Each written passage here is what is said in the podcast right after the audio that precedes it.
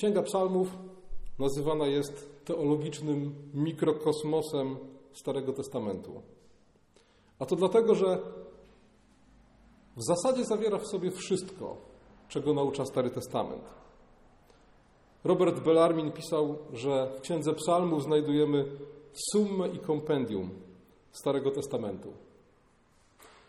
Jeszcze dalej poszedł Luther, który stwierdził, że Księga Psalmów to jest mała Biblia, której wszystko, co znajduje się w całej Biblii, ujęte jest w najpiękniejszy i najkrótszy sposób. W pewnym sensie, kto zna Księgę Psalmów, ten zna Pismo Święte. A kto chce znać Chrystusa, powinien znać Pismo Święte. Święty Hieronim, który przetłumaczył pismo na łacinę, powiedział: Ignorancja scripture, ignorancja Christi, czyli nieznajomość Pisma Świętego to nieznajomość Chrystusa. W jakimś sensie nieznajomość psałterza to nieznajomość Chrystusa. Podobno w jednym ze starożytnych kościołów wschodnich znać na pamięć całego Dawida, czyli całą księgę psalmów, było warunkiem ordynacji. Nikt nie mógł zostać duchownym, jeśli nie znał psałterza na pamięć. I podobno znajomość psałterza na pamięć nie była rzeczą niezwykłą wtedy. W pewnym sensie ten wymóg znajomości księgi psalmów na pamięć jest takim sprytnym wybiegiem, no bo nie było druku, księgi były drogie. To nie jest tak jak dzisiaj, że każdy pastor nosi swój prywatny egzemplarz Biblii, a od duchownego jednak wymagano, aby Pismo Święte znał. Więc idąc na skróty, zamiast kazać uczyć się całego Pisma Świętego, kazano uczyć się małej Biblii, czyli Księgi Psalmów. A taki duchowny, który znał na pamięć całego Dawida, czyli całą Księgę Psalmów, był podobny do Marii i Zachariasza. Wiecie zapewne o czym mówię, o pieśni Marii i pieśni Zachariasza. Maria i Zachariasz w kluczowych momentach swojego życia, zaskoczeni tym, co Bóg dla nich przygotował, modlą się, a ich modlitwa jest kompilacją wyciąganych z pamięci fragmentów psalmów i innych fragmentów pisma.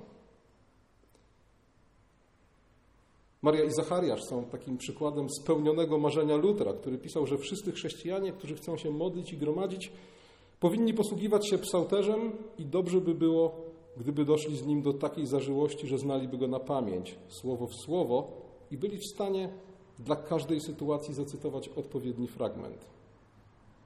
A więc taki duchowny, który znał całą księgę psalmów w nauczaniu, w duszpasterstwie, czy też w prowadzeniu publicznych modlitw był na pewno bardziej owocny niż ten, który Księgi Psalmów nie znał. Ale Księga Psalmów to jest nie tylko mikrokosmos teologiczny, to jest też mikrokosmos, moglibyśmy użyć słowa egzystencjalny. Skoro Kalwin nazywał Księgę Psalmów anatomią wszystkich części ludzkiej duszy,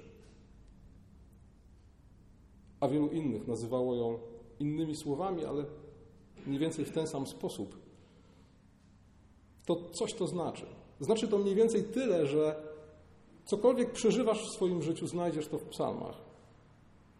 Jakiekolwiek uczucie Tobie towarzyszy, jakiekolwiek przeżycie, czy to jest ciężka choroba, czy to jest zdrada ze strony przyjaciela, czy to jest wielka radość, czy to jest kres rozpaczy, cokolwiek przeżywasz, wszystko to znajdziesz w psalmach. Luther napisał, że psał też jest książeczką wszystkich świętych, której każdy, bez względu na to, w jakiej jest sytuacji, znajdzie słowa, które rymują się z życiem. To sformułowanie warto zapamiętać. Słowa, które rymują się z życiem i pasują tak, jakby zostały napisane specjalnie dla Niego.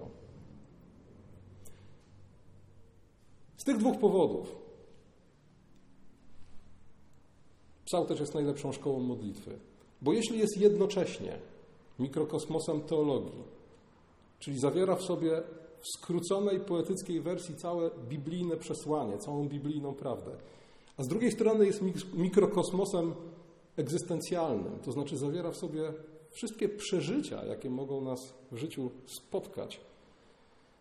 Nic dziwnego, że psał też jest najlepszą szkołą modlitwy, bo w modlitwie te dwie rzeczy powinny się spotykać. Prawda Bożego Słowa i moje osobiste przeżycie i doświadczenie. I dlatego, jak pisał C.S. Lewis, umysł i język Jezusa zanurzone są w psalmach. I dlatego, jak napisał naczelny rabin polski Michał Szudrich, nie ma takiej modlitwy w liturgii żydowskiej, która nie zawierałaby psalmów lub ich fragmentów. I dokładnie to samo możemy powiedzieć o historycznych liturgiach chrześcijańskich. Niedawno w ramach swoich studiów pisałem pracę na temat psalmów w liturgiach kościołów wschodnich.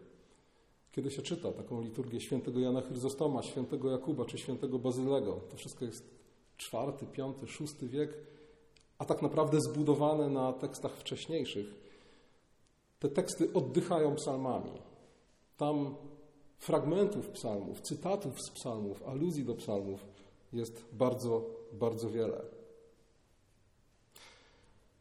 Krótko mówiąc, śpiewanie psalmów to nie jest nasz pomysł, to nie jest też pomysł XVI-wiecznych kalwinistów, ale to jest skarb Kościoła od samego początku jego istnienia.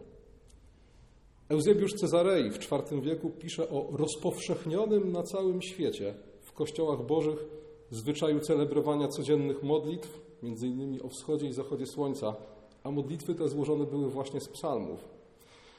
Konstytucja apostolskie, dokument z roku 380 około, wspomina o codziennych, porannych i wieczornych nabożeństwach, których nieodłączną częścią były dobrane do pory dnia psalmy. Jan Chryzostom pisze, że to ojcowie nakazali, aby psalm 141 śpiewać wieczorem, a 63 rano. I wreszcie Benedykt, który zalecił swoim naśladowcom, aby w ciągu tygodnia odśpiewywali całą księgę psalmów. Właśnie dlatego śpiewamy psalmy. Właśnie dlatego nasza liturgia jest nasycona psalmami. Zaczynamy nabożeństwo od introitu, który jest fragmentem psalmu. Śpiewamy psalm responsoryjnie pomiędzy czytaniami. W tekstach naszych modlitw bardzo wiele jest echa psalmów, a do tego śpiewamy jeszcze psalmy metryczne. Wszystko po to, żebyśmy my i nasze dzieci poznali ten mikrokosmos wiary i życia. To miejsce, gdzie prawda Słowa Bożego styka się z ludzkim doświadczeniem i przeżyciem. To jest nam potrzebne, żeby nasza wiara była zdrowa i żebyśmy to, co nas w życiu spotyka, mogli w świetle Pisma Świętego poznać, rozpoznać, zbadać, doświadczyć. Dlatego Jim Jordan pisał: albo będziemy śpiewać psalmy, albo wyginiemy. I myślę, że taka jest prawda dla Kościoła. Dzisiaj z tej szkoły modlitwy, jaką jest psałterz, jedna krótka lekcja. Psalm 107, którego fragment przed chwilą śpiewaliśmy. Psalm 107 otwiera piątą księgę psałterza. To jest też taka ciekawostka. Księga psalmów nie jest po prostu zbiorem psalmów. Ich kolejność nie jest przypadkowa. Anonimowi redaktorzy, którzy tuż po powrocie z niewoli babilońskiej nadali księdze ostateczny kształt, ułożyli ją w bardzo precyzyjny sposób i podzielili na pięć ksiąg. Pięć ksiąg oczywiście natychmiast powinno nam się skojarzyć z pięcioksięgiem Mojżesza. I to jest kolejny sygnał, jak Izraelici traktowali Księgę Psalmów, jak drugi pięcioksiąg, jak rodzaj odpowiedzi na Boże prawo, na Torę. Kolejne księgi psaltarza kończą się doksologią. Znajdujemy ją na koniec psalmu 106. Błogosławiony Pan Bóg Izraela od wieków na wieki. Niech wszystek lud powie Amen, Alleluja. I od tego momentu psalm 107 zaczyna piątą księgę psalterza. Piąta księga psalterza zwykle traktowana jest jako odpowiedź na lament wygnańców, jako odpowiedź na to wszystko, czego doświadczyli Izraelici w związku z niewolą babilońską. I ta odpowiedź na lament zawiera w sobie psalmy lamentu, takie jak psalm 137. Ale w pierwszej kolejności i przede wszystkim jest odpowiedzią na całe zło, jakie spotkało Izraela. A ta odpowiedź to zapowiedź powszechnego przyszłego królowania Jahwe i uwielbienie, które jest odpowiedzią na te eschatologiczne zapowiedzi zwycięstwa Boga nad Jego nieprzyjaciółmi i dobra nad złem.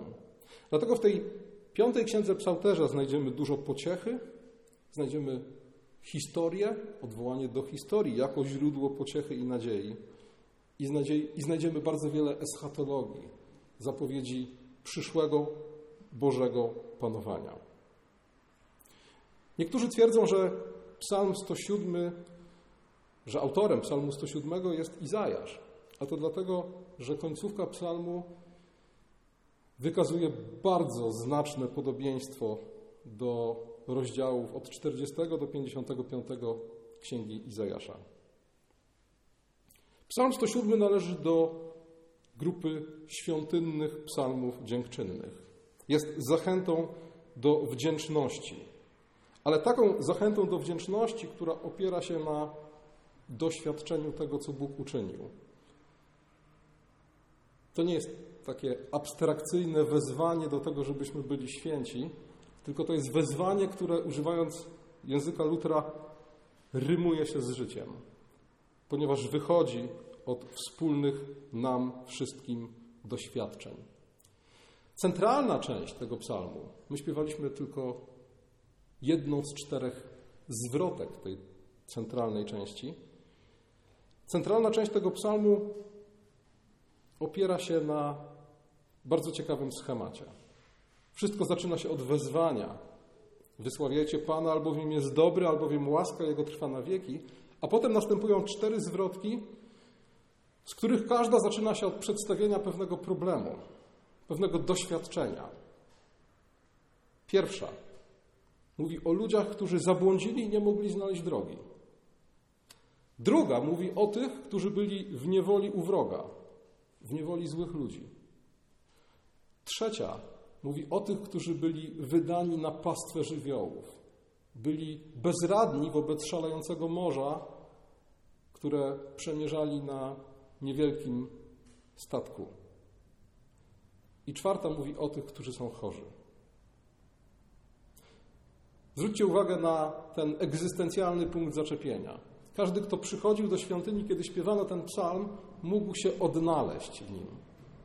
No bo każdy z nas był kiedyś w takiej sytuacji. Każdy z nas kiedyś zabłądził i nie mógł znaleźć drogi. Każdy z nas czuł się kiedyś bezradny wobec żywiołów, które szalały wokół niego. Może nie każdy z nas był niewolnikiem w dosłownym sensie, ale każdy z nas miał kiedyś przynajmniej takie wrażenie, że jest wydany na pastwę złych ludzi i nic nie może z tym zrobić. I wreszcie każdy z nas doświadczył kiedyś choroby swojej lub swoich bliskich. A kiedy spojrzymy jeszcze na to wszystko w metaforycznym sensie, to wszyscy jako zgubieni grzesznicy byliśmy ludźmi, którzy zabłądzili i nie mogli znaleźć drogi. Wszyscy jako grzesznicy byliśmy w niewoli naszego największego śmiertelnego wroga, jakim jest diabeł. Wszyscy jako ludzie doświadczamy tego, że jesteśmy wydani na pastwę żywiołów, bo wydarzenia wokół nas toczą się tak, że nie mamy na to żadnego wpływu. I wreszcie wszyscy doświadczyliśmy, czym jest grzech jako choroba duszy. Więc każdy, kto wchodzi do świątyni i słyszy Psalm 107, może się w nim odnaleźć. Każda z czterech zwrotek zbudowana jest w ten sposób, że najpierw jest przedstawiony problem, potem powtarza się fraza: Wołali do Pana w niedoli swej, a On wybawił ich z utrapienia. Potem z kolei jest krótkie, jednym zdaniem, wyjaśnienie, w jaki sposób Bóg rozwiązał problem, a na końcu każdej zwrotki jest wezwanie: Niech wysławiają Pana za łaskę Jego i za Jego cuda dla synów ludzkich. I taki jest rytm psalmu. Najpierw mowa jest o problemie, potem jest refren, Wołali do Pana w niedoli swej, a On ich wybawił z ich utrapienia. Potem jest Boże rozwiązanie, a potem jest wezwanie do uwielbienia. Niechaj wysławiają Pana za łaskę Jego i za Jego cuda, cuda dla synów ludzkich. Jak czytałem sobie ten psalm, to pomyślałem sobie, że on by się nadawał na takie kazanie w murzyńskim kościele w stylu gospel, bo wtedy pastor by krzyczał, jaki jest problem, jakie jest rozwiązanie, a dwa chóry by odpowiadały, wołali do Pana w niedoli swej, a On ich wybawił z ich utrapienia, a drugi chór, niechaj wysławiają Pana za łaskę Jego i za Jego cuda dla synów ludzkich. I kto wie, czy to mniej więcej tak nie wyglądało w świątyni izraelskiej. Psalmy były pisane na chóry i być może rzeczywiście tak to wyglądało, że jeden chór śpiewał o tym, że zgubili drogę i nie mogli jej odnaleźć. Drugi śpiewał, wołali do Pana w niedoli swojej. Trzeci mówił o tym, jak Bóg rozwiązał problem, a czwarty wzywał do uwielbienia. Pamiętajcie, że muzyków i chórzystów izraelskiej świątyni były setki, więc musiało to robić nieprawdopodobne wrażenie. Ale wracając do treści psalmu. Pierwsza zwrotka. Błądzili po pustyni, po pustkowiu, nie znajdując drogi do miasta zamieszkałego.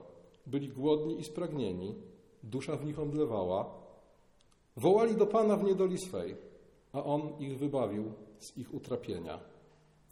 Poprowadził ich drogą prostą, aby mogli dojść do miasta zamieszkałego. Niechaj wysławiają Pana za łaskę Jego i za Jego cuda dla synów ludzkich. A zatem, jeśli zbłądziłeś i nie możesz znaleźć drogi, jeśli jesteś głodny, spragniony i w niebezpieczeństwie, jeśli boisz się, posłuchaj. Nasi przodkowie zgubili drogę i nie mogli jej odnaleźć. I co się stało? Wołali do Pana, a On odpowiedział. W jaki sposób odpowiedział? Poprowadził ich prostą drogą, tak, że znaleźli drogę do miasta zamieszkałego. Widzicie ten schemat. Widzicie ten ładunek emocjonalny w tym psalmie. Każdy z nas, kto tego psalmu słucha, kto ten psalm śpiewa, może w tym kontekście pomyśleć o sobie. Tak, byłem człowiekiem, który zgubił drogę i nie mogłem jej odnaleźć. Tak, wołałem do Pana i On mnie wybawił. Poprowadził mnie prostą drogą do Chrystusa. Poprowadził mnie właściwą drogą. I co teraz? I w odpowiedzi na to mogę zawołać: Niechaj wysławiają Pana za łaskę Jego i za Jego cuda dla synów ludzkich. Druga zwrotka. Siedzieli w ciemności i mroku, związani nędzą i żelazem, ponieważ sprzeciwili się Słowom Bożym i pogardzili radą Najwyższego. Serce ich upokorzył trudem, słaniali się, a nikt nie pomógł. Siedzieli w ciemności i mroku, byli zniewoleni i co? Wołali do Pana w swojej niedoli a On wybawił ich z ich utrapienia. I co się stało? Wyprowadził ich z ciemności i mroku, a więzy ich rozerwał. Znowu, jesteś w niewoli, twój wróg macie w garści, jesteś w niewoli grzechu i śmierci. Posłuchaj, nasi przodkowie byli niewolnikami. Co ciekawe, tu psalmista zwraca uwagę na to, że tej niewoli sami sobie byli winni.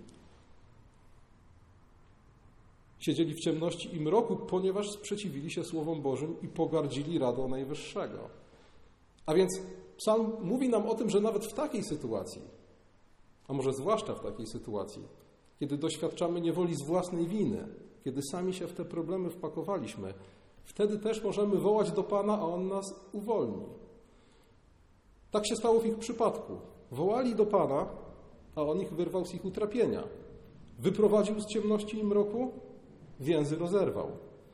I kiedy pomyślimy sobie o nas jako zgubionych grzesznikach, dokładnie to się stało. Z własnej winy siedzieliśmy w mroku w kajdanach. On nas z mroku wyprowadził i kajdany rozerwał. Psalm trzeci to jest kolejny taki przypadek.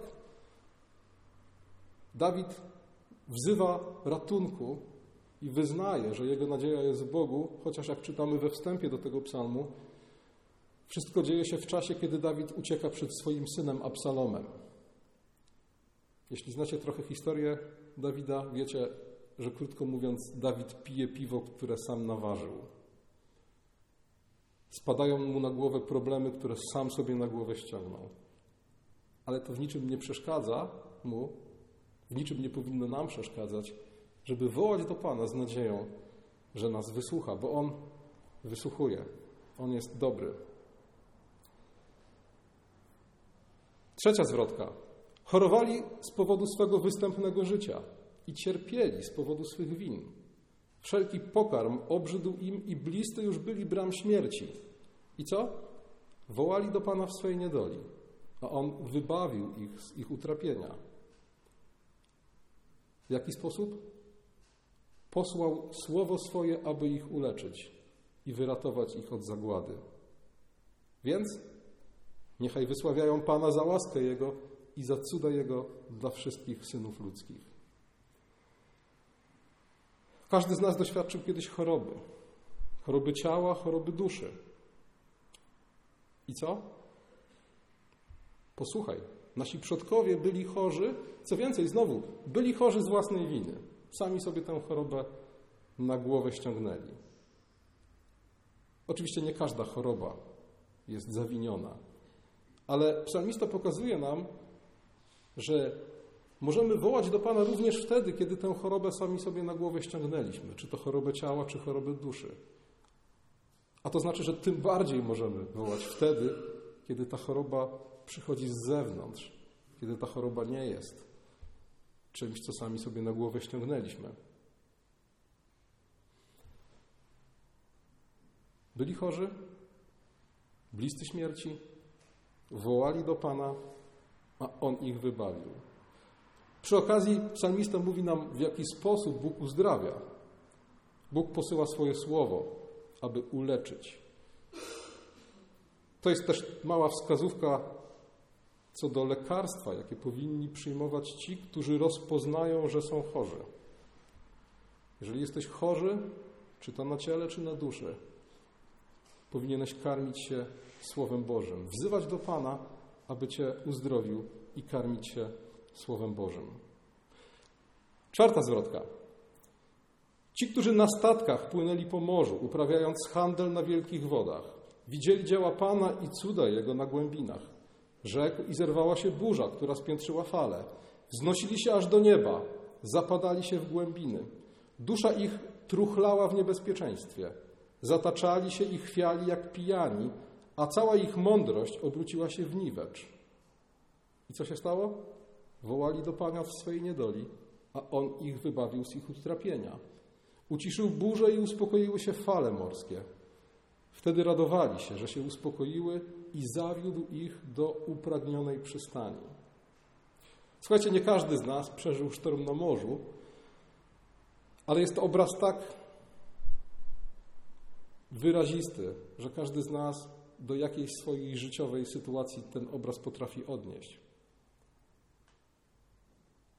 Byłem zdany na pastwę żywiołów, na pastwę czegoś, nad czym nie miałem żadnego, żadnej kontroli. Wydawało się, że ginę. Wołałem do Pana, a On uciszył burzę, uspokoił falę i zaprowadził mnie do upragnionej przystani. Dlatego niechaj wysławiają Pana za łaskę Jego i za cuda Jego dla synów ludzkich. Psalm 107 zawiera jeszcze jedno wezwanie do uwielbienia. I tutaj właśnie ujawnia się to podobieństwo do księgi Izajasza, ponieważ to kolejne wezwanie do uwielbienia opiera się na przypomnieniu tego, kim jest Bóg. Tego, że Bóg zamienia żyzny kraj w pustynię, a daje chleb głodnym. Słowem, On może uczynić wszystko, cokolwiek zechce. A skoro może uczynić cokolwiek zechce, skoro potrafi pustynię uczynić kwitnącym ogrodem, a kwitnący ogród pustynią, to znaczy, że cokolwiek dzieje się w moim życiu, mogę wołać do Pana z nadzieją, że On mnie wybawi. Takie jest przesłanie Psalmu 107. Wołaj do Pana, a On cię wybawi. Warto wołać do Pana w każdej trosce i w każdej potrzebie. To samo ma na myśli Jezus, który mówi, że wszystkie włosy na naszych głowach są policzone i że jesteśmy więcej warci niż wiele wróbli. Bóg cały czas czuwa nad nami. To samo ma na myśli Piotr, który mówi, żebyśmy wszystkie nasze troski złożyli na Pana, bo Jemu zależy na nas. Podobnych zapewnień, wołaj, a będziesz wysłuchany, czy świadectw, wołałem, a Bóg mnie wysłuchał, znajdziemy w Biblii bardzo wiele, zwłaszcza w Księdze Psalmów. Psalm 91. Wzywać mnie będzie, a ja go wysłucham. Będę z nim w niedoli, wyrwę go i czcią obdarzę. Psalm 118. Z ucisku wzywałem Pana, a Pan mnie wysłuchał i mnie wyswobodził. Psalm 138. W dniu, gdy Cię wzywałem, wysłuchałeś mnie. Dodałeś mocy duszy mojej. Ale. Zawsze jest jakieś ale. Psalm 66 mówi: Gdybym knuł coś niegodziwego w sercu swoim, Pan nie byłby mnie wysłuchał. A więc Bóg uwalnia tych, którzy go wzywają. Tych, którzy go wzywają w niedoli. Nawet tych, którzy sami się w niedole wpakowali. Ale jeśli prosisz Boga o ratunek, a knujesz zło, jeśli chcesz się uwolnić z niewoli, choroby i zagrożenia po to, żeby stać się niewolą, chorobą i zagrożeniem dla innych, wtedy Psalm 66 mówi: Jeśli coś takiego się dzieje, Pan Cię nie wysłucha.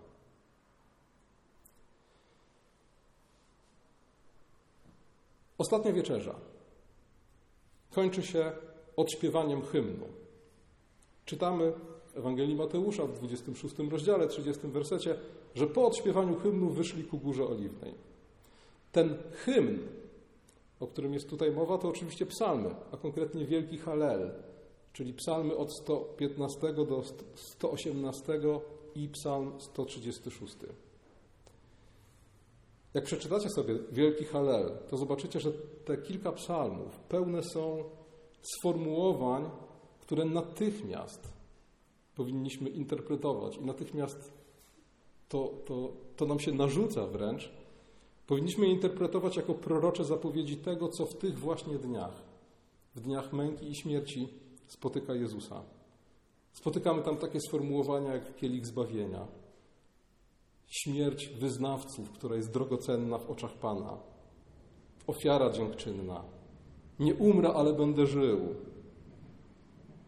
czy wreszcie kamień odrzucony przez budujących, który staje się kamieniem węgielnym. W pewnym sensie te psalmy Halelu są takim scenariuszem Wielkiego Tygodnia, tego, co dzieje się z Jezusem podczas tego Wielkiego Tygodnia. I szczególną uwagę chciałbym zwrócić na Psalm 116. Tam czytamy takie słowa. Miłuję Pana, gdyż wysłuchał głosu mego, głosu mego błagania. Nakłonił ucha swego ku mnie w dniach, gdy go wzywałem. Spętały mnie więzy śmierci i opadły mnie trwogi otchłani. Ucisk i zmartwienie przyszły na mnie. Wtedy wzywałem imienia Pana. Ach, Panie, ratuj duszę moją. Łaskawy i sprawiedliwy jest Pan, litościwy jest nasz Bóg. Pan strzeże prostaczków. Byłem w nędzy, a On wybawił mnie. Uchroniłeś moją duszę od śmierci, oczy moje od łez, nogi moje od upadku. Będę chodził przed Panem w krainie żyjących. Czym odpłacę Panu za wszystkie dobrodziejstwa, które mi wyświadczył? Podniosę kielich zbawienia i wzywać będę imienia Pana. Oczywiście interpretujemy ten psalm chrystologicznie. Wiemy, że to są słowa Chrystusa. I widzimy, że Chrystus też wchodzi w ten schemat.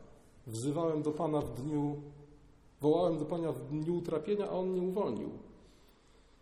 Spętały mnie więzy śmierci, opadły mnie trwogi otchłani, wzywałem imienia Pana, Panie ratuj duszę moją. On wybawił mnie, uchronił moją duszę od śmierci. I teraz w liście do Hebrajczyków o Chrystusie czytamy, to jest piąty rozdział, siódmy werset.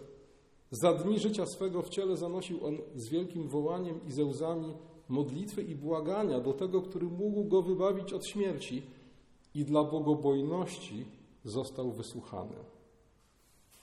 A zatem pośród wielu przykładów, zapewnień i świadectw tego, że wołamy do Pana, a On nas wysłuchuje, mamy też przykład Jezusa. Wołał i został wysłuchany. Tylko jeśli znamy historię Chrystusa, to nam ciarki przechodzą po plecach, kiedy sobie uświadomimy, w jaki sposób Bóg wysłuchał jego wołania o wybawienie od śmierci.